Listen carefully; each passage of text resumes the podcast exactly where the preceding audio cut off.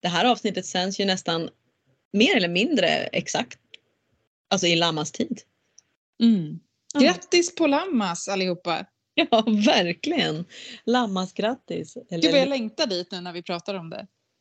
Skörd, alltså ja. Alltså verkligen, det är ju det är riktigt, jag känner alltså så när man, när man vandrar med årshjulet och så blir det verkligen så här det här året är det det här som man längtar efter och det här året är det det här liksom. Men just skörden, det känns alltid så här när man börjar tänka så här guld och guldfält och mogna bär och nu ska jag liksom I'm gonna cash in.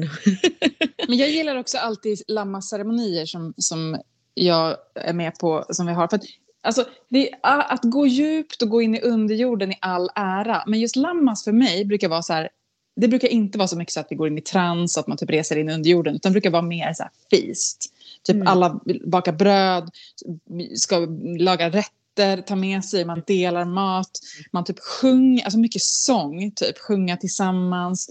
Alltså det är sån, ja men verkligen festkänsla på Lammas för mig. Eh, så ja. det är så härligt. Men det är som att man står liksom i toppen av, av, av sin unik, uniqueness, vad heter det, unika egenskaper, krafter liksom. Det, det är så, det tycker jag man ser också på, på Lammas fest liksom, när folk tar med sig så här ah, har du gjort det här och det här? Alltså jag gillar det. Liksom. Mm, man får Men, glänsa på sin grej. Liksom. Glänsa liksom. Och, och är man som mig som inte är så himla liksom, bra på just de här sakerna så är det ändå som att jag då bara har köpt någonting väldigt fint kanske som någon annan har gjort. Mm. Eh, bara ställer fram det. Bara, det här är den här jag gör. Jag, jag kan inte men kolla här vad de här människorna har gjort. Liksom. Så det, är så här... det blir alltid jättefint också när man är många för att det blir som ett, alltså det blir ett överflöd tillsammans. Det blir vackert liksom, genom att alla har med sig någonting. Liksom. Ja och vi har ett erbjudande här till våra patreons i Lamas tid. Mm, perfekt. Ja, det, är, eh, det gäller ju då våra patreons på mother, lover och crone nivå. Och eh, ni som vill stödja podcasten och bli Patreons, det gör ni ju via Patreon hemsidan. Eh, länkar finns alltid i, i show notes. Ja, vill du veta? Jag har ju knappt pratat. Nej, jag, vet, jag känner att jag inte ens vet vad det är. Jag vet bara att det är asmäktigt. Ja. ja, det här är ett erbjudande till um, Ja, gud, det är så här, hur, jag tänkte hur ska jag presentera liksom så här, men jag bara så ring, jag ringde till henne och sa jag måste nog säga exakt så som jag upplever dig. Hon bara, det är väl jättebra. Men det erbjudandet, det är till Gita, Gita Minou som är verkligen en häxa i skogen. Alltså på riktigt, när man åker till henne, cyklar till henne, går till henne så är det rakt in i skogen. Och hon, Gita har liksom, hon har både ett ett eh, program och sen har hon sessions, hon gör dem online. Eller hon gör dem i skogen. Så man behöver ju inte ta sig till henne. Och hon beskriver liksom att hon har jobbat som medium, hon har jobbat som traumaterapeut, hon har jobbat som eh, liksom i, liksom hjälpt folk som har haft otroliga övergrepp inom tantravärlden. Hon har jobbat med, eh, själv varit inom tantravärlden för länge sedan men sen liksom klivit över och istället liksom läka och hjälpa. Eh, samtalsterapeut. Och det som hon gör, jag har varit hos henne två gånger. Det som egentligen sker är att man sätter sig framför henne. Eh, om man har en fråga kan man ställa den men det behöver man inte göra och sen så är det som att hon typ plug into my potential verkligen. Alltså hon kliver in i mig och egentligen på ett sätt så känns det som att man blir bevittnad. Men att jag får höra det från, från mig med en annan människas ord. Och det gör ju att saker och ting kommer upp till ljuset. Eh, alltså Bortom ens egna narrativ som man alltid upprepar för sig själv. Liksom. Exakt, att man inte behöver liksom så här, man kanske har tänkt den här tanken och haft den känslan och sen så tänker man nej, nej, nej, självcensur, självcensur. Och så bara kommer det upp och sen så pratar hon ungefär i en timme. Mm. Och det är, he, det är så läkande, det är så helande och det är verkligen, jag kommer därifrån, jag går inte alltid, jag går dit när det är som att här finns någonting som jag inte kan få tag i. Mm. Jag kommer liksom inte vidare eller så. Och hon också beskriver ju som att hon är ju medium från början men att hon liksom verkligen Nej men jag ska inte kommunicera med förmödrar och andar och döda. Jag ska kommunicera med människan som är här och nu i den här kroppen. Mm. Yes, så alla ni patreons, eh, ni får ett supererbjudande ehm, eh, nu till i början av alltså augusti och september. Och det är att ni kan gå till Gita eh, för, alltså hör och häpna, tusen kronor. Mm. Det gör egentligen två sex. Det är så mer än hälften. Ja. Alltså, och, så ni, eh, jag, jag tänker bara passa på här. Ni får eh, en eh, som vanligt ett liksom, eh, lösenord. Eller säga, har vi sagt det? Ja, jo, men eh, antingen en kampanjkod eller lösenord på Patreon kring det här erbjudandet. Och känner ni er kallade, vill ni ha en spegling, vill ni bli bevittnade så ja, jag rekommenderar Gita 100 procent. Mm, alltså bli, bli, bli Patreon på lovernivå, det kostar ju typ 60 kronor eller vad det nu är, 70 i månaden. Så Ja. det, är, det är en ganska liten insats för att få en sån eh, Ja. stor rabatt. Liksom. Verkligen. Och Och var, var, var finns Gita? Men man kan göra på distans också, sa du? Man kan göra det på distans men hon eh, finns nära mig här i eh, Järna utanför söder, strax söder om Stockholm. Mm. Mm, mm, mm. Jag, kan, eh, jag kan guida er dit om ni vill. Ja, det är extra bonus. Ja, kom till mig först. ja, vilket fantastiskt erbjudande och från en amazing person Mm. till en annan. Nu är det vår sista sommarpratare här. Och det var ju, alltså det var verkligen ett, ett samtal som jag hade längtat efter därför att det är ett område där jag själv inte har nästan någon kunskap alls. Eller nu har jag ju det, för nu har jag pratat med Shirin Öberg. Yes. Shirin Öberg som tar med oss på en, eh, en djup eh, resa genom flera lager av kurdisk andlighet. Liksom ursprung, eh, myter. Alltså hon tar ju oss ännu, vi har ju pratat om min Nanna men vi tar oss ännu mer ner och runt i myten om min Nanna och dess ursprung. Och, liksom, ja, och även typ kurdisk andlighet eh, idag. Liksom. Och, ja, det, är, det är många olika, det är, det är inte bara de forntida myterna, det är liksom så mycket annat. Och det handlar också om kvinnors rättigheter och ja, men liksom en, en slags aktivistisk sida. Så. Mm. Att vara liksom en positiv kraft i världen var väl det som eh, Shirin sa. Eh, Hon säger det i avsnittet. Liksom. Att hur kan jag bidra? Inte bara för mig själv utan för världen. Och det var väl också därifrån hennes namn på hennes podd och bok kommer. Law of positivism. Att, eh, som inte handlar om att alltid vara positiv, fick vi veta i podden. Utan att vara, hur man kan bidra Mm. i världen. Vilket var helt fantastiskt för oss att få veta mer om det. Vi som alltid kanske kan lägga oss till med en rant ibland om new age. Och, och, och, Det ska alltid vara ljus och positivt. ja. Så det var jättefint att få prata om detta och liksom ställa de frågor som vi ville ställa. Liksom. Ja. Ja, så Shirin är också en gäst med sådär otroligt många liksom, titlar och saker, saker som hon gör och kan. Eh, förutom podcasten och förutom att skriva boken. Alltså hennes podcast har ju st st stor lyssnarskara liksom. Typ 338 tusen följare på Instagram. Det är en ganska stor, alltså numbers are numbers men det är en stor spridning liksom. Så har hon liksom en, skrivit en magisteruppsats om kvinnors kvinnohälsa, infertilitet på global nivå. Hon jobbar som, hon eh, liksom, jobbar som medicinkvinna, hon jobbar med, som doula och hon har eh, liksom, ja, otroligt mycket kunskap inom kinesisk eh, örtmedicin. Och till hösten så kommer det komma en utbildning i prästinnetradition med Ishtar. Så nu ger vi er sommarens sista gäst, sommarens sista sommarprat. Ishtars döttrar med Shirin Öberg.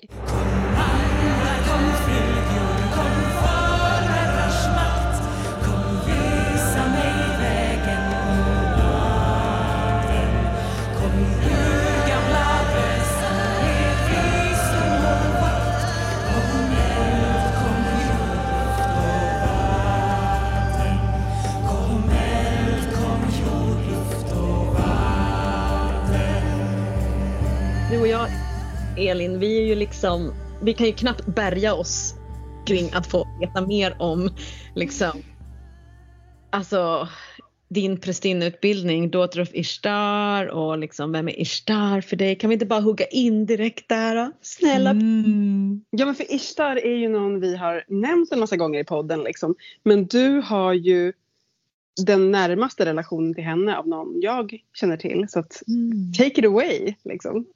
oh, vad kul. Ja det är en spännande och eh, väldigt eh, fin resa med, med just den här gudinnan eller den här aspekten av gudinnan som jag ser det som en aspekt av eh, den gudomliga modern som har gett liv och födsel till allt annat. Men för mig startade, så min bakgrund är att jag är kurd från norra delar av Irak och eh, växte upp väldigt eh, ja, men öppet spirituellt och med våran kultur och, eh, och det som det, det som ledde mig till Ishtar skulle jag se som en resa genom hela livet egentligen med olika typer av upplevelser och ja, men livserfarenheter och eh, min egen resa in i underjorden under ett par år och som till sist ledde mig in i mitt, mitt arbete, det jag håller på med idag och eh, allt från healing till menar, att jobba spirituellt och andligt. Eh, men Ishtar kom till mig faktiskt i en eh, trumresa som jag var med om i Thailand för fem år sedan. Och eh, när jag gick in neråt så mötte jag ett lejon. Eh, det här är kopplat till Ishtar också. När jag gick uppåt så möttes jag av en, eh, en örn och eh, till sist så transformerades den här, det, det, var, allt det här var en vision som jag fick till mig och att hon transformerades till Ishtar och sa sitt namn till mig och jag fick möjligheten att ställa väldigt mycket frågor till henne under den sessionen. Och efteråt så googlade jag hennes namn för att jag hade, jag har ju hört namnet förut för jag hade en, en barndomskompis som hette så. Det är ett väldigt gammalt irakiskt namn. Um, och när jag såg bilderna och det som man har hittat eh, i Irak, alltså hennes depictions, då var det ju exakt det jag hade sett. Så det var ju först och främst ganska chockerande och så tänkte jag, är det något undermedvetet jag har plockat upp? Men det blev så tydligt när åren gick, de här åren som har gått, eh, varför jag mötte henne och därefter började jag också möta andra kvinnor ehm, eh, som som påminde mig om min väg och, och, och va, varför det här kom upp för mig. Så det var så jag mötte henne första gången. Och sen har det som jag fick, fick till mig av henne då också unfoldat och eh, visat sig i, i min verklighet. Så det var därför, det, det, man kan säga att hon öppnade upp vägen för mig till den här eh, def, eh, Divine Feminine. För därefter började jag verkligen liksom jobba med det på djupet, med kroppen, med i allt, i min devotional practice, i min, eh, ja men vad jag de, har dedikerat mig själv till. Och det, det är både till kvinnor och kvinnors hälsa, till eh, min, ja men som sagt min min egen, eh, min egen väg just nu. Och jag fick väldigt mycket inspiration av Veronica som eh, också har inspirerat mig eh, in i det här mer prästinneskapet som jag kanske inte var medveten om förut heller. Och jag eh, hittade då till sist en enda, för jag, jag kände att det är ju Ishtar jag ska jobba med även om den, den gudomliga modern är det som också för mig är så viktigt eh, och den aspekten av eh, the divine eller alltet är så viktigt.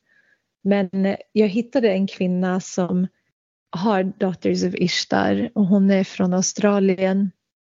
Och min väninna som också är halvkurd hade också känt kallet så vi eh, hoppade på att göra den här tillsammans. Så vi har nästan slutfört ett år nu. Eller när, när det här sänds så har vi gjort vår sista ceremoni förmodligen.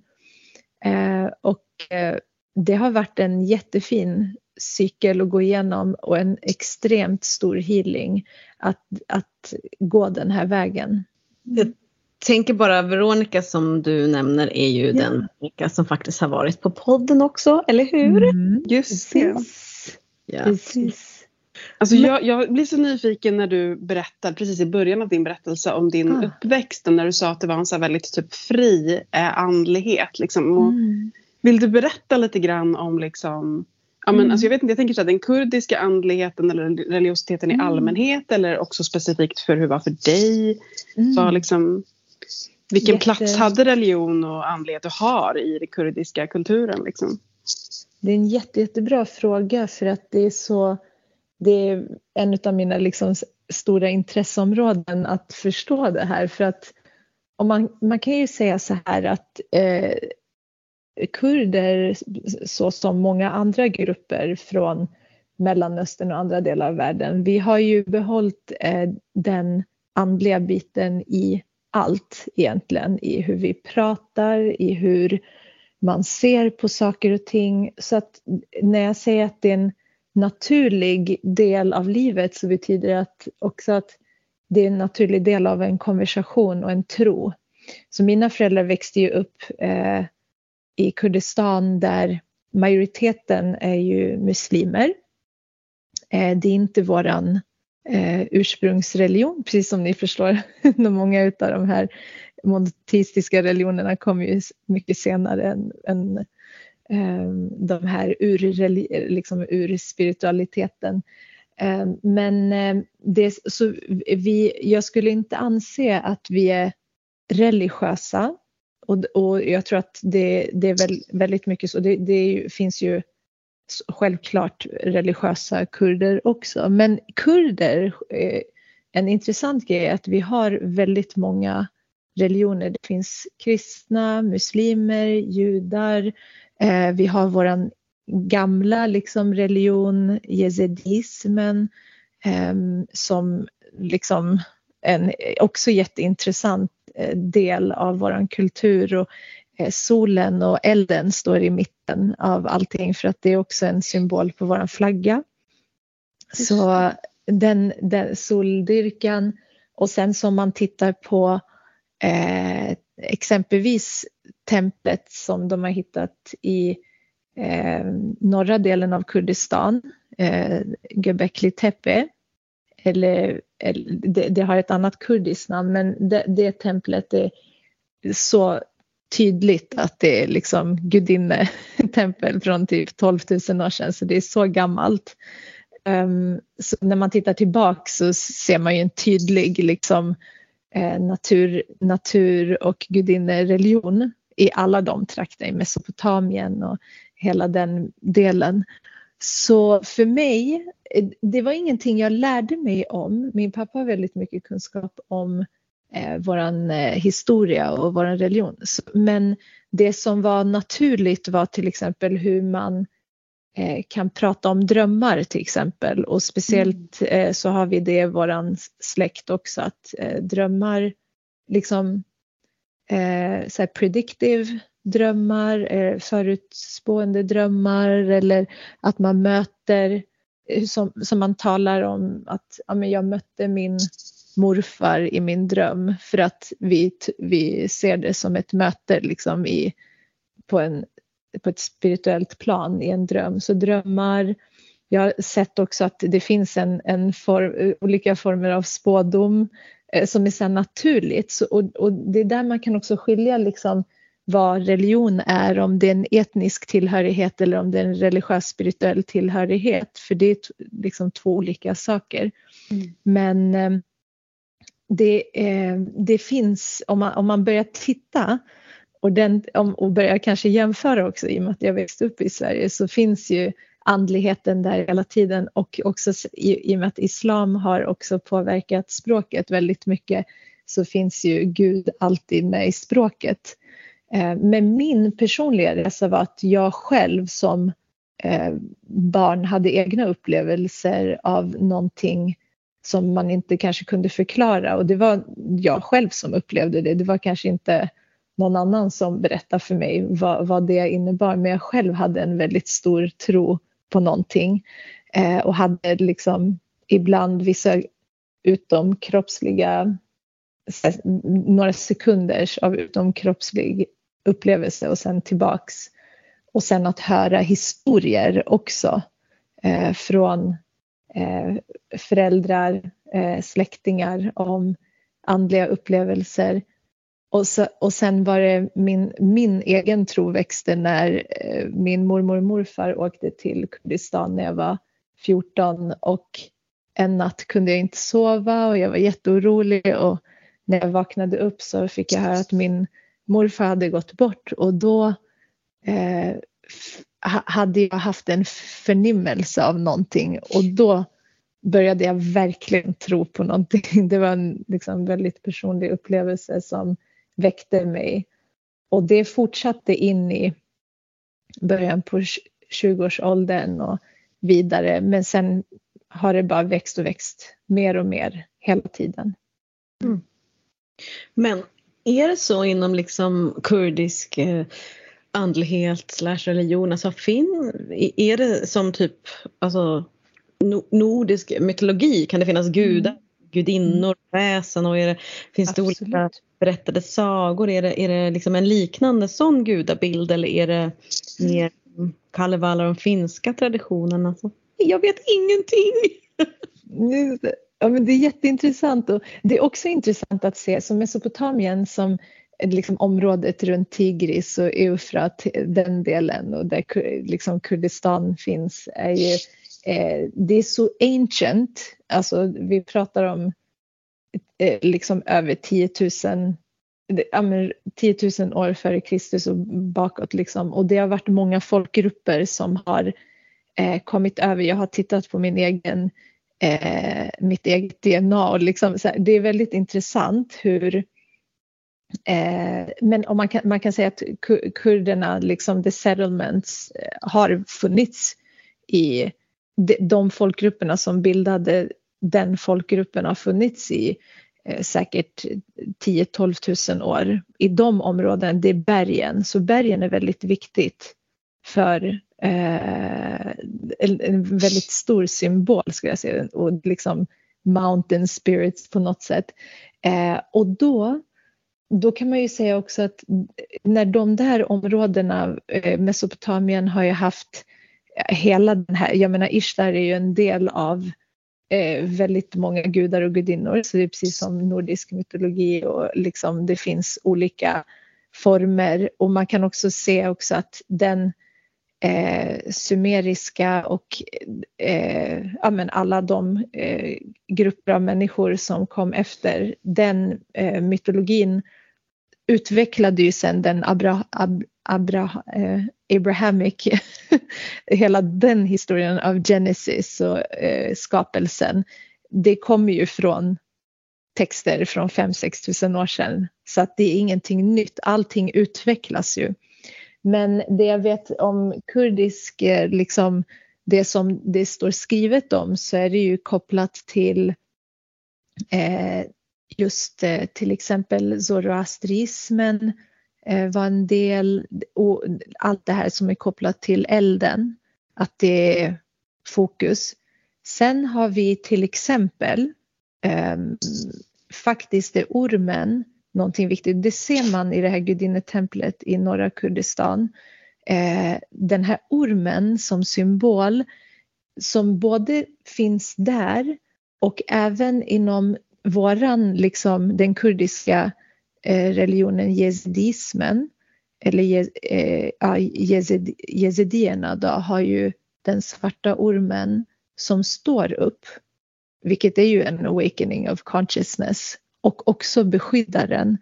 Och man ser ju, jag menar landet har ju ormar också. Det, det, är en väldigt intressant symbolik Sen har vi också en, eh, en eh, skulle man säga en gudinna som är en ormkvinna som kallas Shamaran.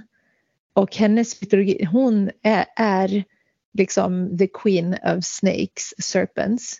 Och hon håller så mycket wisdom och eh, kunskap och har eh, en enormt stor kraft och den, den bilden, hennes bild var väldigt viktig för eh, fertilitet och ehm, används fortfarande liksom som en, en symbol för ja, men inför giftermål och hela den biten. Men eh, mytologin om den här orm eh, är väldigt, väldigt stor och det har sen eh, anammats av andra folkgrupper också.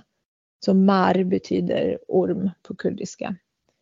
Så det, det, de, de det finns så mycket att hitta och det är så gammalt och det, det här nu pratar vi om, om eh, liksom de här templen som, som finns där i norra Kurdistan. Det här är ju eh, alltså det som forskare säger är ju de äldsta, även äldre än de egyptiska och hela den mm. biten. Så det, det finns mycket att hämta. Så det, och det är sånt som jag har, har definitivt eh, själv fått, fått eh, hitta och lära mig och, och, jag har hört också från min pappa men det är inte så många som kanske har dykt in i det för, i och med att de andra religionerna är så starka ändå i vår kultur.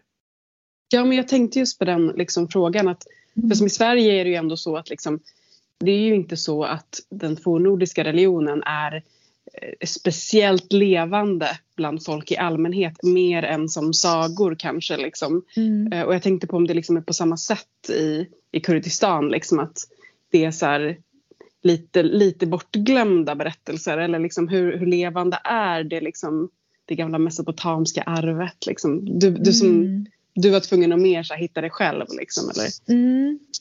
Ja, den delen. Eh, jag, jag tror definitivt att eh, det finns kunskap kring det men kanske inte eh,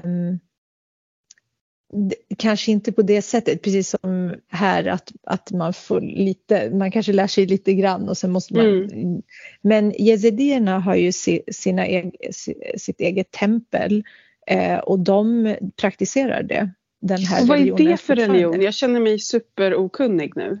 Det är så, det är ju en, en religion som är bland, ja, men säkert de äldsta, den, den ska vara flera tusen år gammalt. Um, den, och den har kanske blandats ihop lite med, med annat i regionen men de har sin, den gruppen av kurder har behållit den här traditionen eh, vilket är väldigt viktigt. Och de, det, man kan se det lite, de tror också på en, du vet, one consciousness, en gud och att eh, det finns en änglar. Och det är någonting som jag också i mitt, mitt arbete definitivt de senaste sju, åtta åren kommit i kontakt med mycket änglar, den energin. Och påfågeln mm. är symbolen för den här ängeln som, eh, som liksom kom ner till jorden. Och där har, vi, har de också då på templet den här ormen. Det här är fortfarande praktiserande eh, liksom religion och det finns en blandning kanske att de, liksom, den regionen där de finns har, har haft lite andra eh, influenser också. Men det är, eh, det är en väldigt eh, viktig grupp. Den här gruppen kom upp eh, i media nu de senaste åren på grund av att eh, de blev attackerade Eh, och kvinnorna där fick, eh, ja men den, de svenska, de kurdiska kvinnorna fick eh, kämpa emot Isis för att få bort dem från eh, i och med att de har blivit kallade för de, de har ju sin egen tro och då kan de monoteistiska eh, troende kanske tycka att de, precis som här i Sverige eller Europa, tycker att nej men det de gör är fel, deras tro är fel, fast den är ju ännu äldre förmodligen. Mm. Och en blandning och typ att utav... de är hedningar liksom. Precis, ja. precis. Och de, de har en blandning av urreligion och det, det är liksom det, det gnostiska i det. Så att det, det praktiseras fortfarande och eh, det finns väldigt mycket mer och olika också ben av islam och det mystiska och sufism och så. Så att det, det är en väldigt blandad och eh, eh, kurdiska språket är också väldigt eh, nyanserat med många olika dialekter och språket i sig är ju eh, väldigt eh, andligt, precis som alla urspråk skulle vara egentligen när vi, innan det blir eh, ett patriarkiskt system av språket. Kommer.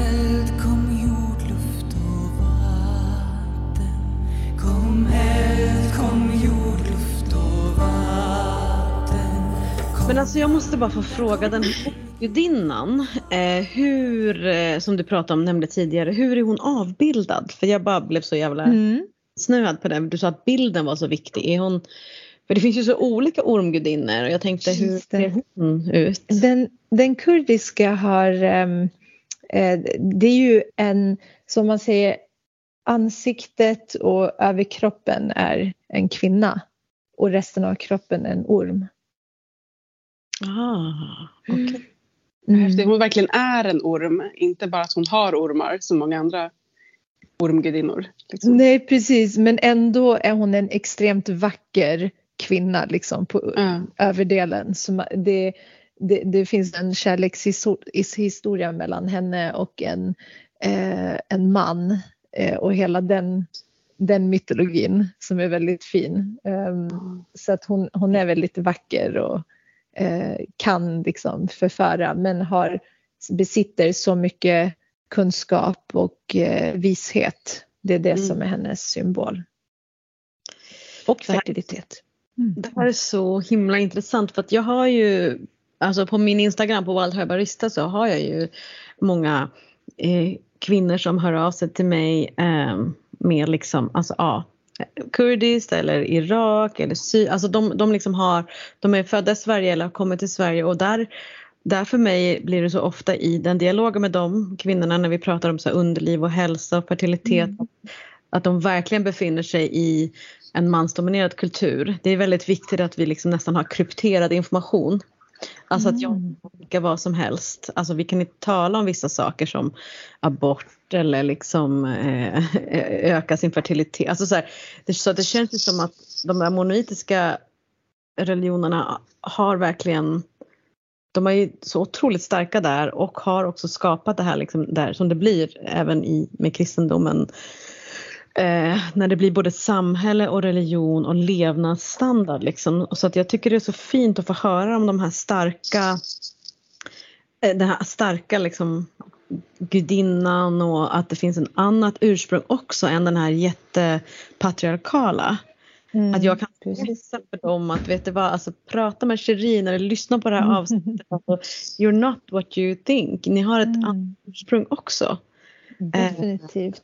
Eh, I viss är det verkligen nästan alltså en fara för dem att ens typ kontakta mig. Mm. Så. Ja, det, är ju, det, det, är det, här, det här tycker jag är en jätteintressant fråga. Jag har precis gjort klart min master inom sexuell och reproduktiv hälsa och rättigheter med fokus på kvinnors hälsa och eh, rättigheter. Och eh, i mitt arbete nu så kom jag i kontakt med något som heter gynekologi. Gyn är kvinna på kurdiska. Och det här är alltså en, en kurdisk eh, eh, feministisk movement som också, eh, vad jag fick veta, att min farmors mamma och min farmor har också eh, jobbat i kvinnogrupper. Eh, för att eh, det, det, som, det här grundar sig på att när vi tittar tillbaks, säkert eh, låt säga att när den neolitiska tiden, så 12 000 före Kristus, den tiden, då var ju allt baserat kring eh, kvinnan och eh, gudinnan. Det ser man i, i liksom det man har hittat och som jag sa i de här ruinerna och allting. Det händer någonting för ungefär 5000 år sedan nu kommer vi tillbaks till Ishtar faktiskt, eller Inanna som är ett annat namn för Ishtar. Det var två olika folkgrupper som hade två olika namn. Om vi säger att Mesopotamien is the cradle of civilization där jordbruk och sådana här moderna grejer som vi har i väst började där. Eh, även hjulet, allt, allt sånt. Nu, det, det, var inte Grekland, eller liksom, det kom mycket långt för, efter. Men det händer någonting. Så om man tittar på, om vi tittar på Inanna här. Jag har en bok av henne, Queen of Heaven and Earth, hennes hymner från Sumerien. Det står så här. Inanna placed the shugura, which is the crown of the step, on her head. She went to the sheepfold to the shepherd. She leaned back against the apple tree. When she leaned against the apple tree, her vulva was wondrous to behold. Rejoicing at her wondrous vulva, the young woman Inanna applauded herself. Nej, det är sant. Ja, och mm. det, här är, det här är en text från 4000 år sedan. Så det här är en av hennes historier och hon, hade, hon fick all... I den här historien så får hon alla krafter möjliga av sin morfar eller farfar, ibland är det hennes pappa, det är lite olika, men Inki som var en gud då. Mm. Eh, och hon får även kraften att gå ner i underjorden. Det går från det till att little by little, alla de här folkgrupperna som erövrade olika delar av Mesopotamien konstant. Till sist så började historierna om gudinnan, den här urgudinnan, att förändras och helt plötsligt så i historierna om Gilgamesh så blev hon från att vara så mäktig till att bli att de skojar om henne för att hon har många partners till exempel. Eh, och då började den, den narrative. Och eh, alla de här tydliga symbolerna som man ser i skapelseberättelsen i Genesis när det kommer till trädet, eh, ormen, alla de här grejerna. Ed, alltså Garden of Eden, det, det finns redan där. Lilith finns med i Nannas historier också. Det görs om och helt plötsligt så har rollerna förändrats. Och det kan man då se också hur de här skrifterna liksom gjordes om till det vi vet nu, Gamla Testamentet. Det Nya Testamentet är ju eh, den bibeln som finns idag är ju också eh, skriven kring, kring, olika gospels och så, men det, de hittade ju 1945 skrifter som var väldigt mycket mer eh, liksom baserade på de feminina karaktärerna i, i Egypten hittade de dem. De gnostiska texterna och man, se, man kan se en linje, så för mig så från Inanna, Ishtar, Isis och sen hur, hur den gudinnan utvecklades i Europa till Estarte och Venus och Afrodite. Sen eh, Mariorna. Det är som en linje som går, väldigt tydlig linje från den här tusentals år gamla eh, historien till tills nu för 2000 år sedan. Och det it evolves, det kommer fortsätta.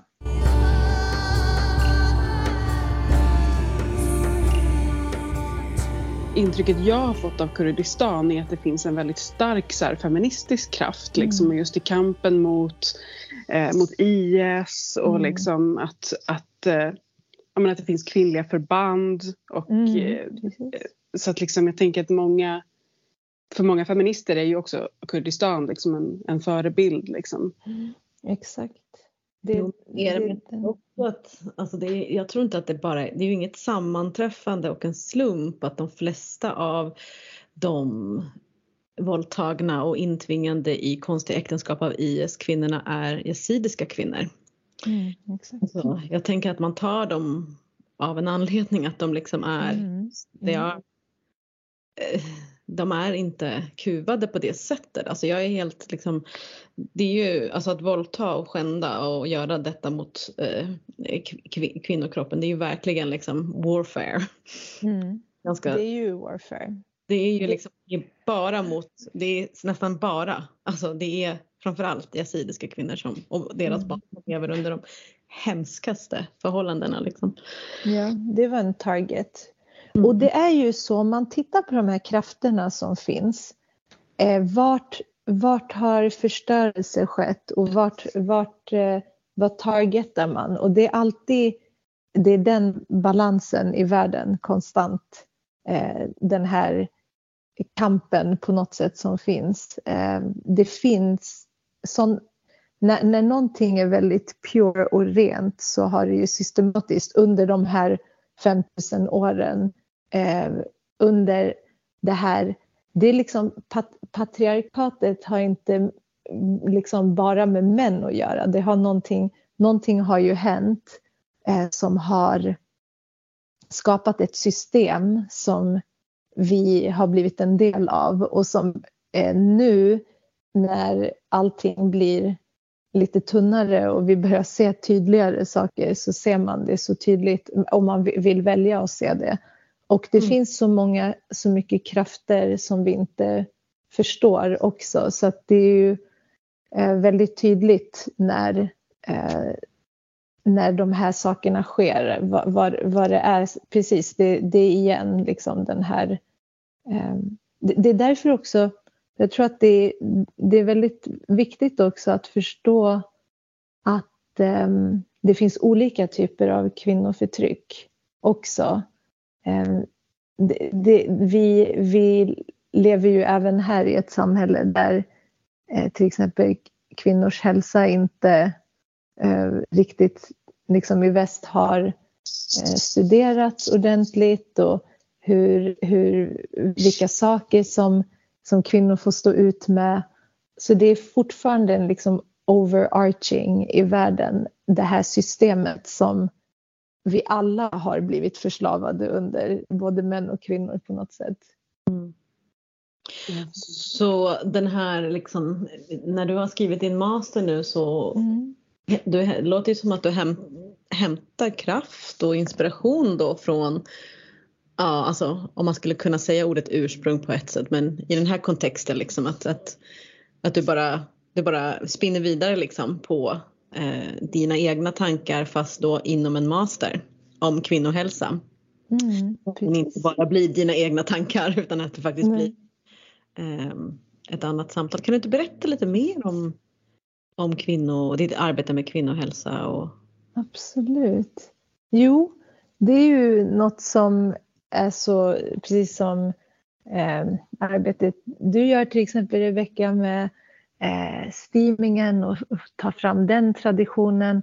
Att liksom bara, hur kan vi veta så lite om någonting så viktigt och så eh, det, va, det är väl inget konstigt att dyrka en, en kvinnoform som på något magiskt sätt eh, kan skapa liv om den vill. Det, det är väldigt intressant liksom, hur, hur det har blivit så förenklat.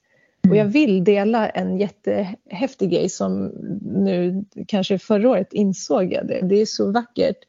Eh, så på svenska och engelska har vi ordet födsel eller birth. Men på kurdiska till exempel, en, eh, en födsel har, in, har inte ett, ett sånt ord utan man säger ur mamman kommen. Mhm. Okej, av mamman kommen. Så till och med om man säger eh, grattis på födelsedagen så är det eh, grattis på dagen då du ur mamman kom. Eller något, något, det är väldigt svårt att översätta på svenska. Eller eh, ordet gravid till exempel, eh, två liv, Mm. tvålivad. Eh, så det, det är därför magin är liksom lite borta för att vi använder ord som inte har med saken att göra egentligen utan det är bara ett påhitt. Det liksom, har ingen mening på det sättet för en person när du direkt övers översätter det på något sätt. Vi, vi, vi beskriver inte saken som den är. Och eh, nej, men mitt, mitt jobb egentligen med kvinnohälsa började väl dels genom att jag pluggade faktiskt tre år kinesisk medicin och akupunktur av mitt intresse av att ja, men det, kvinnor har så mycket olika typer av eh, saker som vi bär på och som vi eh, har i våra cykler och, och väst, västerländsk medicin har inte riktigt något svar på det egentligen. Det, det, finns liksom ingenting som går till roten till någonting så det var väldigt intressant och sen gick jag in på ett spår där jag hade tänkt att bli barnmorska och insåg att det var inte heller 100% min grej att gå in i den kliniska västerländska eh, världen på det sättet. För jag har ju också jobbat som doula så jag kände att det var mer någonting som, som jag på riktigt kan göra på ett autentiskt sätt.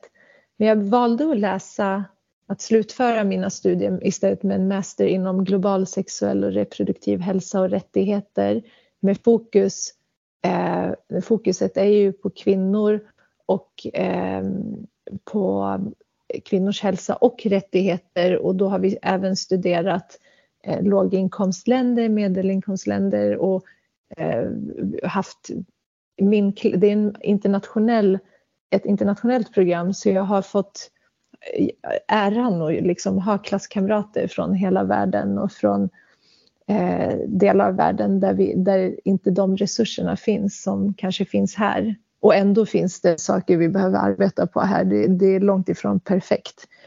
Så under min eh, tid i programmet bestämde jag mig för att eh, skriva om eh, kvinnors erfarenheter av infertilitet och, eh, och behandling. Och då valde jag att göra en metasyntes på 19 olika studier från olika delar av världen. Allt från Sverige till eh, Pakistan till eh, Sydafrika. Och eh, se, och i, totalt så i den här studien blev det 500 kvinnor som har gått igenom olika former av intervjuer som jag la ihop till eh, ett resultat. Och det var en väldigt intressant eh, resa att göra den studien och se vilka där allting är så upplevelsen är precis likadan överallt och vad kvinnor faktiskt får gå igenom i det där utan stöd också. Mm. Ja, men lite apropå det där du sa med att patriarkatet finns överallt. Liksom. Mm. Låter det som. Verkligen. Alltså ja, apropå det så skulle jag vilja passa på och är det, är det inte dags för ett litet boktips angående det här? alltså, jag skulle vilja slå ett slag för boken Osynliga kvinnor av Caroline Criado Perez. Mm. Eh, som har gått igenom i princip alla tillfällen, alla miljöer, ventilationssystem, eh, centralvärme, sjukvård, skolsystem, eh, kläder, alltså allting.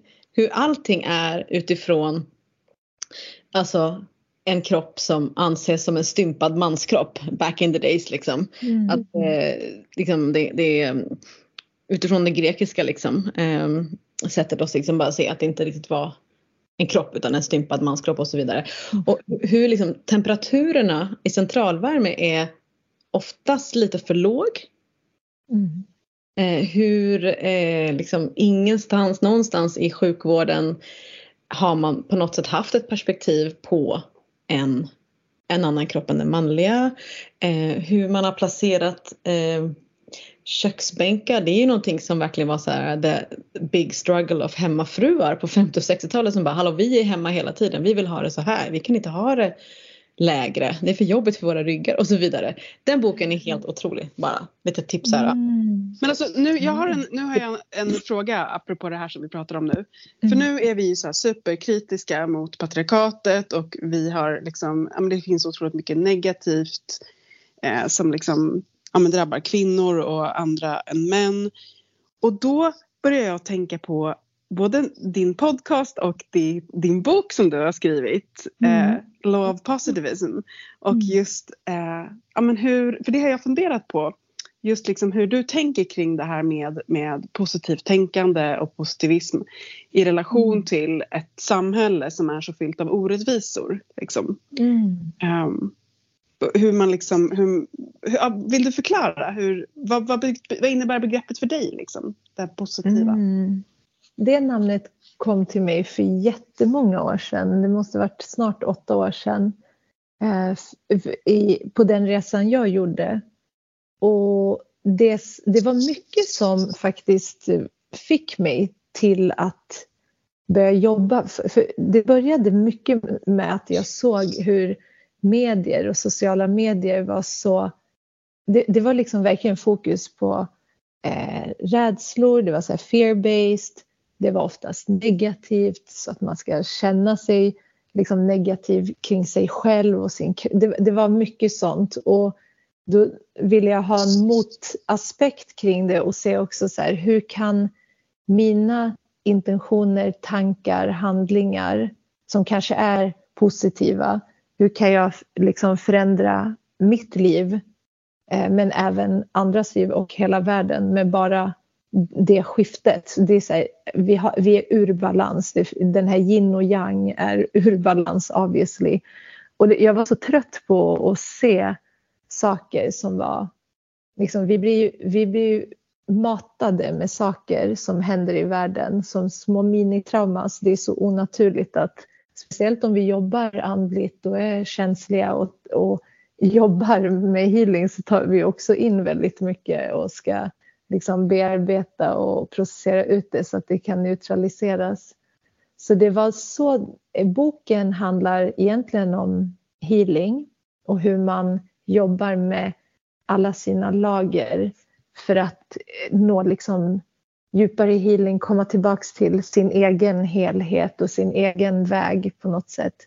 Och den, den vägen är ju inte liksom alltid positiv eller att det går uppåt. Eller liksom, vi måste också gå neråt och eh, utforska den delen av oss och livet. Så man kan fortfarande fokus, välja att fokusera.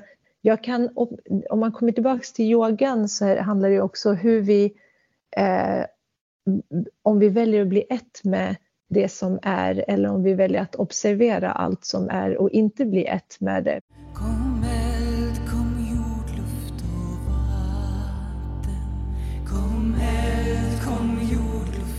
Jag tänker vi har pratat mycket om, om eh, new age versus häxkonst i våran podcast. Mm. Både jag och Elden är ju tycker att det är lite ibland problem, problematiskt med exempelvis eh, just, alltså inte exakt det som du säger nu för det ger ju en bild av det hela men att, att man lätt kan hamna bara i sig själv. Mm. Eh, och att visst, jag håller med dig att det har en, att det har en effekt och sådär men hur, för det låter ändå som att du, du jobbar liksom utåt i, din, i ditt arbete. Mm. Hur, kan, man, kan man både vara i den här eh, jag jobbar med mig själv och liksom tänker de här tankarna och gör det här arbetet och ändå vara i orättvisorna, trauman, smärtorna och liksom agera där. Är det möjligt? Just det. Jag tror att det, ha, det som också de här gamla eh, inom, inom eh, yogafilosofin och allt det som man kan läsa om till sig och, och kom, komma djupare i att egentligen skapas ju hela världen inifrån oss för att vi, det är vi som observerar den, det är vi som skapar den med våra sinnen och så fort mina sinnen stängs av så existerar inte den här världen. Eh, den, den inre resan man gör kommer kunna eh, reflekteras i allt vi gör i den yttre resan. Så, så fort jag började med min inre dedikation, då började den yttre att liksom unfolda. Först var jag i min egen, jag var i min egen värld i flera år och jobbade inåt. För att jag behövde också göra det för min egen healing. Mm. Och sen och det, det kan ta flera decennier för att komma till, till en sån punkt och det är liksom en konstant eh, cykel av upplevelser och behov av healing och hela den biten. Liksom.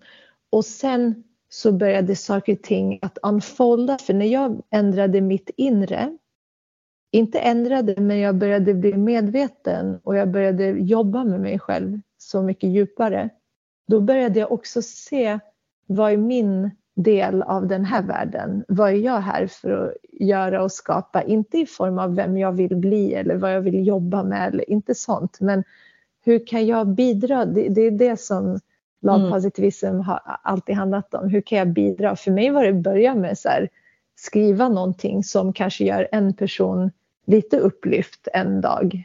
Eh, och mitt arbete har aldrig handlat om en inre gain för mig. Utan jag, tänk, jag, jag har alltid tänkt att om jag kan leva i den här bhakti eller i en, en karma-yogisk väg att, att göra saker utan att hela tiden förvänta mig någonting tillbaks till mig själv men att ja, men jag vet att det här är bra för någonting, då gör jag det. Mm. Och då började liksom, hur kan jag hjälpa andra? Hur kan jag hjälpa andra att läka? Hur kan jag, hur kan jag nu senast gjorde jag ett internship på UN Women. Det var ju på ett så mycket högre plan. Hur kan man hjälpa den globala liksom, kollektivet? Hur kan vi göra förändringar så här, här och nu för den här tidslinjen som vi är i just nu? För det är också bara en, tid, en väldigt kort och liten tidslinje men vi kan fortfarande göra någonting som eh, växer våran själ genom våra handlingar och vårt arbete och den fokus vi har jag kan tycka att det är så här, som sagt som Rebecca säger, så här, problematiskt med typ eh, liksom idén om att men, tänk positivt så blir allting bra. För att så är det ju mm. inte för att eh, ibland behöver man vara jättenegativ och kritisk till det som är dåligt. Liksom. Men mm. däremot så tänker jag, det jag hör dig säga nu är det här att typ, vara en positiv kraft i världen. Att typ bidra till inte problemet utan till lösningen. Och det, det är någonting helt annat än att bara tänka positivt hela tiden. Liksom. Mm. Så det, Precis. Det, och det låter verkligen som att det är det du gör. Liksom. Eh, för att, att liksom, ja, men att typ så hur kan jag bidra? Liksom. Eh. Exakt, det är det det handlar om. Det, det, det, ni vet ju det här, as within as without och as above so below, liksom hela den grejen. Det, det, det är en konstant jag, jaget, men jag är en del av alltet. Det finns ingen separation. Man går mellan de här två, två liksom stadierna hela tiden och jag vet att allting jag gör med, från mitt inre kommer ändå att slå ut på något sätt i alltet.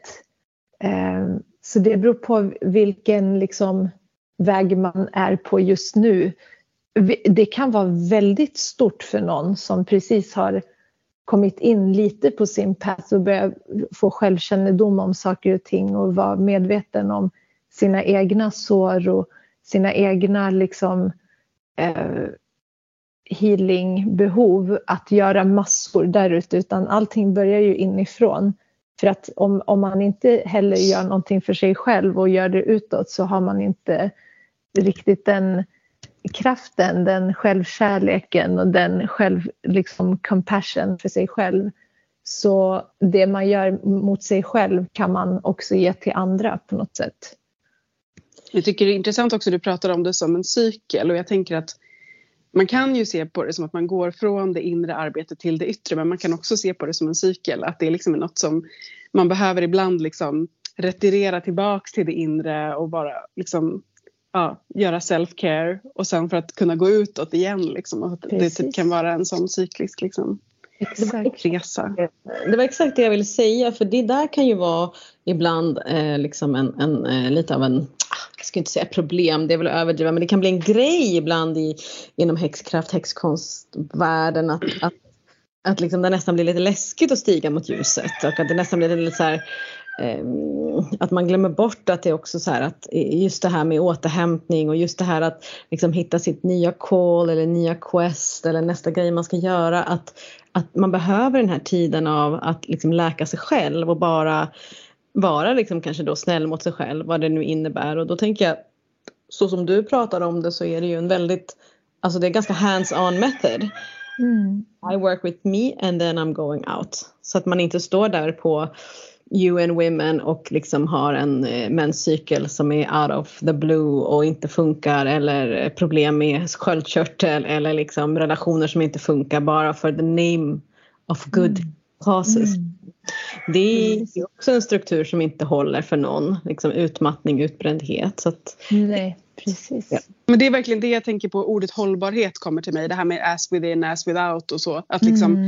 att det går inte att driva en kamp bara på utsidan. Liksom. Alltså den, den måste vara förankrad i kroppen, i hela, liksom, hela ens själ. Liksom. Ja, och egentligen i allt arbete som man gör med andra också har man ju ett ansvar att liksom ha gjort en... Det är väldigt svårt att, om, om man jobbar nu som, som eh, det vi håller på med, eller vad som helst när man jobbar med människor, att de, den energin du har, det är väl klart vi alla går igenom. Det finns ju ingen människa som inte har sina struggles. Men medvetenheten, var medveten om saker och ting och sen var medveten om både liksom att separera ut det från dig själv och från andra men också att hitta en... När du har gått igenom saker så kan du relatera till andra, du kan förstå, eh, liksom, du kan sätta dig in i det de går igenom. Det ger väldigt mycket ödmjukhet och eh, en annan form av eh, empati. Och, och då den här inre, liksom practice what you preach är jätteviktigt. Annars, annars håller det ju inte och, och det kommer komma igenom i allt vi gör. mm. Mm. Alltså på, tal om, på tal om practice. Jag är jättenyfiken på hur din praktik med Ishtar ser ut. Mm. Alltså vad... Och, eller ja, överhuvudtaget din praktik. Men vi Ja. brukar ofta prata om det. Så vad, vad gör vi egentligen? Är det många som undrar. Ja, så bara i min praktik med liksom gudinnan generellt. Jag, jag ser ju som sagt eh, liksom det som har skapat allt är en, en gudomlig moder. Och det, jag tror att den, den, den formen av det gudomliga har alltid funnits med sedan jag var barn. Att det, jag har en, liksom, en kontakt, en, en, en tro, eh, en konstant liksom eh, när, jag när man har gått igenom någonting tufft att men om det här är den vägen jag har fått så, så litar jag på det. Och jag vet att jag, jag ser eh, i, i och med att Ishtar är en annan liksom embodiment eller en, en, en facett av den här gudomliga modern. För att Ishtar i sig är ingen modersgudinna, det är liksom tvärtom. Utan eh, för mig har, har eh, den här liksom the womb of creation, den här moderliga, alltid funnits där. Och sen med Ishtar nu i den här, eh, det här året av eh, training och liksom att eh, gå in mer i ceremoni och ritual eh, så har vi, går vi faktiskt enligt en, vi går efter de åtta punkterna på året men inte enligt till exempel det som praktiseras här i Europa utan när jag tänker på de olika eh, sabbaterna utan vi använder de punkterna men vi använder dem som eh, punkter för kvinnans evolution faktiskt. Så eh, liksom i, under hösten vid eh, equinox så sker the conception. Så vi jobbade liksom med ceremonier och ritualer kring conception, alltså befruktning. Mm. Så det, det är lite annorlunda och sen, sen har vi mittpunkterna där och då, då är det liksom, man kan tänka mittpunkten där mellan equinox och solstice blir ju eh, när, när det här livet växer. Mm. Och sen sker födseln vid eh, vintersolståndet. Just det, solbarnet. Liksom. Ja, exakt. The sun. Ah. S-U-N. Ehm, och, sen, och sen kommer det första andetaget och det här är någonting vi själva har gått igenom, eller hur? Vi har ju en gång blivit befruktade och till liv och vi har vuxit i mammans mage och vi har fötts och vi har tagit vårt första andetag. Så man kan se det på det sättet. Och sen, och sen är eh, eh vad heter det, spring equinox, eh, vårdagsjämningen, heter det så på svenska? Equinox. Mm. Den, den är eh, liksom mamman och barnet i, i divine liksom union vid eh, amningen, the lactation mystery. den eye-gazingen som sker där.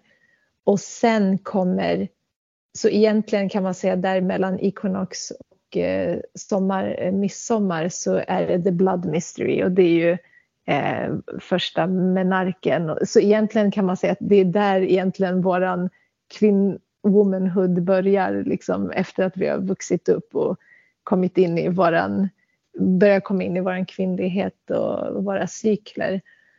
Och sen så the sovereignty och the desire också som vi kommer jobba med framåt. Så det är en väldigt spännande resa på det sättet för att det går ju väldigt mycket ihop med allt som jag är intresserad av men också från det gudomliga perspektivet och att jobba med gudinnan i dels med olika former av ceremonier, jobba med kroppen, jobba med föremål, med altare, men också i meditation. Det är väl det jag känner starkast, att det är i en form av eh, liksom the journeying med de här olika aspekterna. Det är då jag får mycket visioner och, och insikter till mig. Mm. Jag är bara nyfiken, vi har ju haft ett avsnitt om eh, de liksom fyra elementen i mm. cykeln eller årshjulet då, som vi kallar det. Sätter ni eh, liksom, elementen någonstans på det här hjulet? Eller är det eld liksom hela tiden? Typ elden i fokus som du sa, pratade om i den kurdiska liksom, kulturen. Alltså grejen är, vi har, vi har the directions och varje direction har ju sina element.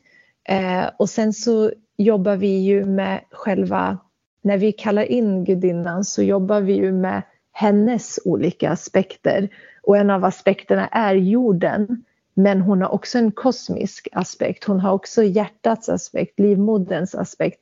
Så då blir det lite annorlunda för att eh, de, självklart är ju de olika väderstrecken kopplade till element men jag tror att vi jobbar också mycket eh, med de, liksom den kosmiska delen så att det inte bara är den jordliga delen. Det kanske skiljer sig lite från mm. traditionerna eh, men det är, det är också jätteintressant och så här, hennes olika mm. aspekter och också de här Eh, det är också så olika guardians av de här mittgaterna också och det, det kan också vara liksom eh, luften och det kan vara liksom det här mer eldiga men det är kanske inte helt uttalat så som jag har upplevt det. Men ja, det är en, det är en jättefin tradition i alla fall.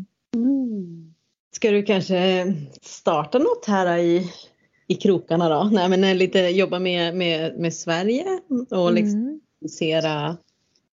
Är det någon tänk, tanke du har? Ja, det, tanken är faktiskt eh, efter initieringen att eh, både jag och min vän som går samma, som vi, vi har gått det här året tillsammans nu, att vi ska ha fysiska cirklar och eh, i och med att jag har en de, de jag har i mitt community kommer från hela världen så har jag tänkt att ha ett, ett år, liksom att följa det här årshjulet kan man säga, eh, även online med fokus på inre healing men att göra det tillsammans med gudinnan som jag tänkte starta igång i september då när, när eh, vi har den första ikonoxen efter min initiering. Men vi ska absolut jobba med, med den här traditionen och vi, jag skapade till och med en liksom invocation på kurdiska eh, mm. för gudinnan. Så att börja ta in nu senaste ceremonin vi gjorde när det var Blood Mystery så använde vi de kurdiska symbolerna som kvinnor traditionellt har haft på händerna, i ansiktet som är intatuerade med som poking metodik. De, de äldre kvinnorna fortfarande har i vissa delar av Kurdistan.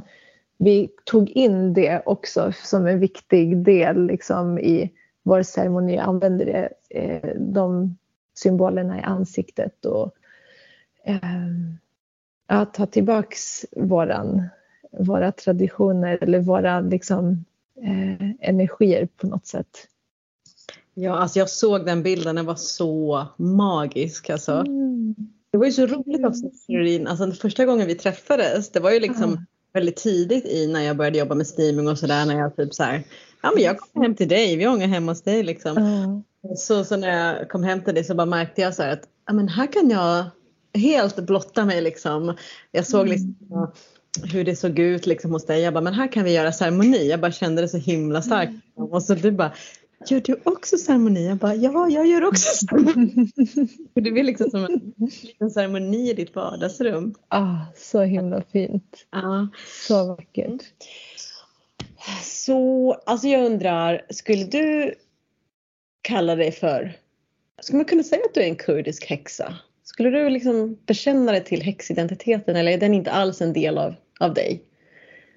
Jo, absolut. För jag menar, häxan är ju en, en vis kvinna så det kan jag definitivt eh, Mm. eh, ta in i mig själv och att vi, är, vi reclaimar det ordet, precis som eh, du också har sagt, som en, en väldigt viktig i liksom den här kulturen vi är i. Att ja, men vi tar tillbaks våran kraft nu och vi tar tillbaks våran eh, vårt prästinneskap som har tagits ifrån oss så länge eh, och också helaren och den som vill eh, ja, men hedra gudinnan på det sättet. Det känns som att alla de här går ihop till en fin eh, och vi gör det på så många olika sätt. Det är det som är fint och att vi hyllar varandra, att vi har olika sätt att eh, göra det här viktiga arbetet. Så både för oss själva och för världen och för att eh, liksom hela vår, våran lineage tillbaks och vår egen själslinjage men också framåt och det vi skapar framåt. Så det är väldigt fint tycker jag och det är därför ert arbete är så viktigt också att dela det här. Och alla ni som vill bara djupdyka vidare in i allt som Shirin kan, alla hennes kunskap och vishet, eh, alltså all tips and tricks, alltså ja det är bara hur mycket som helst. Podcasten heter Law Positivism. Positivism kan inte Mm. säga. Och boken heter samma sak.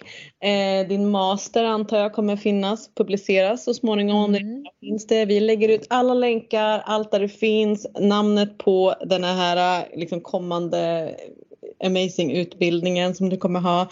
Allt kommer du hitta i show notes liksom. Wow, så supertack för att du hade tid och ville liksom förgylla vårat sommar, sommarhäng i Förmödrars makt. Ja, tack så mycket för att du tog med oss i, på den här resan med Ishtar också som verkligen gick djupare än någon jag har fått följa med på tidigare i alla fall.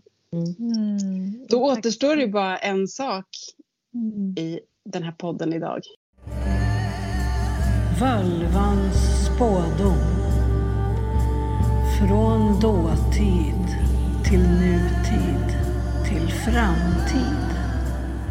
Vi älskar och tackar er Patreons från djupet av våra hjärtan. Tack, tack, tack. Puss, puss, puss.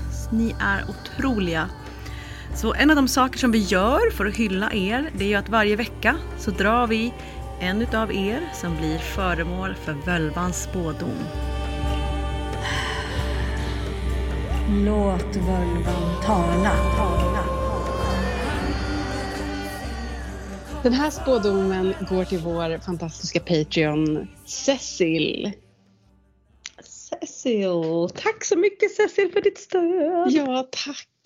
Och när jag, när jag skulle resa på ditt namn och med dig lite grann så direkt kom bilden upp för mitt inre av en kvinna som sitter på en tron med en svart katt vid sina fötter, en solros i ena handen och en stav i andra.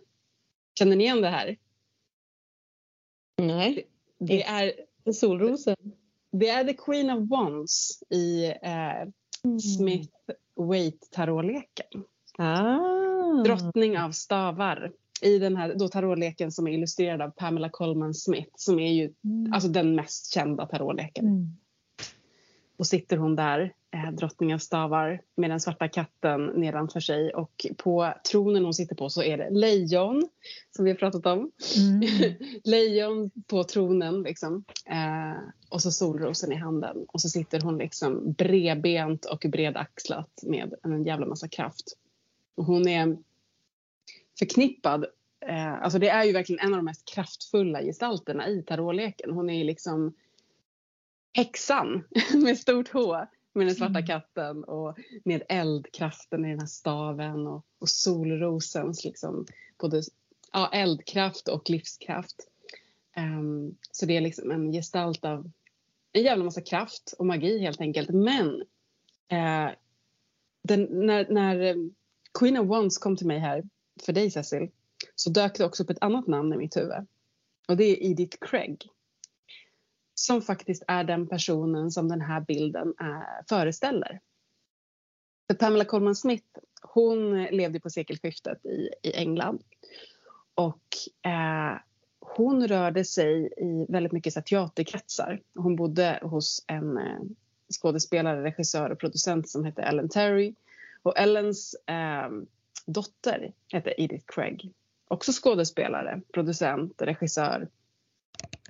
Och eh, väldigt känd så här, kvinnosakskämpe, suffragett. Eh, och den här bilden av Drottningens stavar föreställer Edith Craig. Och den svarta katten är faktiskt Ediths katt, Snuffles. och om, om man åker till en, det huset som de här allihopa bodde i så finns faktiskt den här stolen med lejonen där. Och jag tycker att eh, det, det ger någon extra dimension till, till drottning av stavar. Man, man också tar med Edith Craig för att hon var sån otroligt kick-ass kvinna som förutom att hon kämpade för kvinnors rättigheter så levde hon också eh, ett liv som queer. Hon levde i ett tresamt förhållande med två andra kvinnor på en tid när det var väldigt, eh, väldigt förbjudet.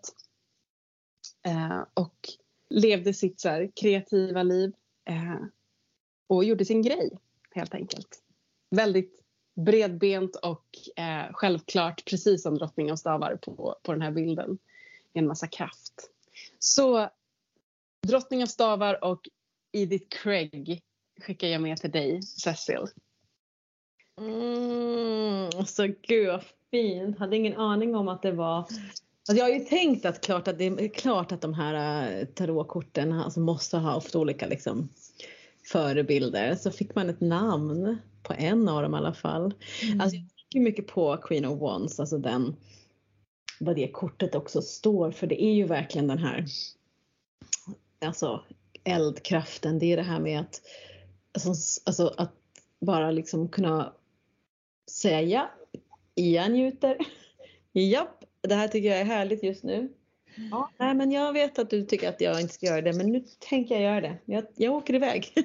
Alltså det är lite så här, japp, Ja, jag vet att du inte gillar det men, men jag, jag, ska, jag gillar det här nu och nothing's gonna stop me liksom. Det är inte för evigt. Den har en ganska så här, um, har en ganska i sin positiva känsla vad den vill göra så finns det en klarhet och en tydlighet att liksom oroa dig inte. Det är inte så här I'm not disappearing. Jag bara det här vill jag göra nu. Jag sticker iväg. eller jag går på den här festen. Eller nej jag ska äta den här maten fast jag egentligen är laktosintolerant. I like it. Alltså den är lite så här att inte tveka i njutning. Och det mm. är väldigt fint med det här kortet. Mm. Mm. Verkar stämma väldigt bra in på Edith Craigs liv också. Ja, eller hur? Verkligen. Mm. Vi säger något, Cherie? Jättefin. Det var ju vilken stark bild och eh, alla de här symbolerna också. Vi, liksom, jag älskar de här eh, bilderna som man, man kan verkligen eh, um, titta på varenda detalj i ett kort och se ett meddelande. Så det var väldigt fint att höra. Starkt meddelande också.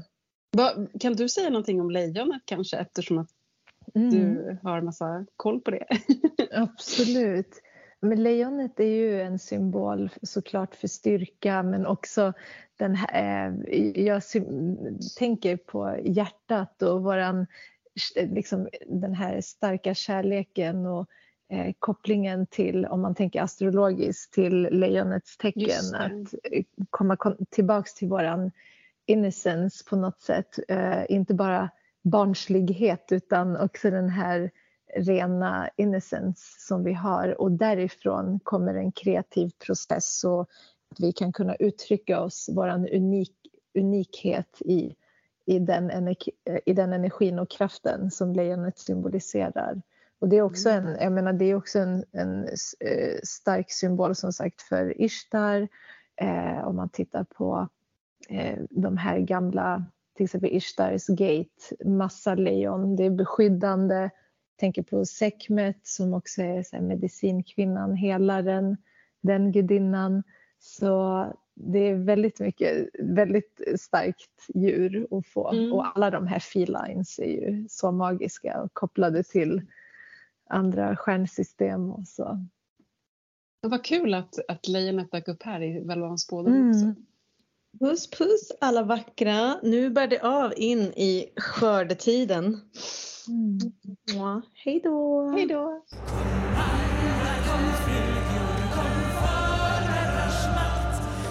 Vill du stödja vår podcast ytterligare så kan du Betygsätta podcasten. prenumerera på podcasten för att öka vår synlighet. Bli medlem på Patreon så får du dessutom en massa häxiga benefits. Gå in på patreon.com slash formodrarsmakt. Och vill du ta del av ytterligare samtal med likasinnande, bli medlem i Facebookgruppen Förmödrars makt eftersnack.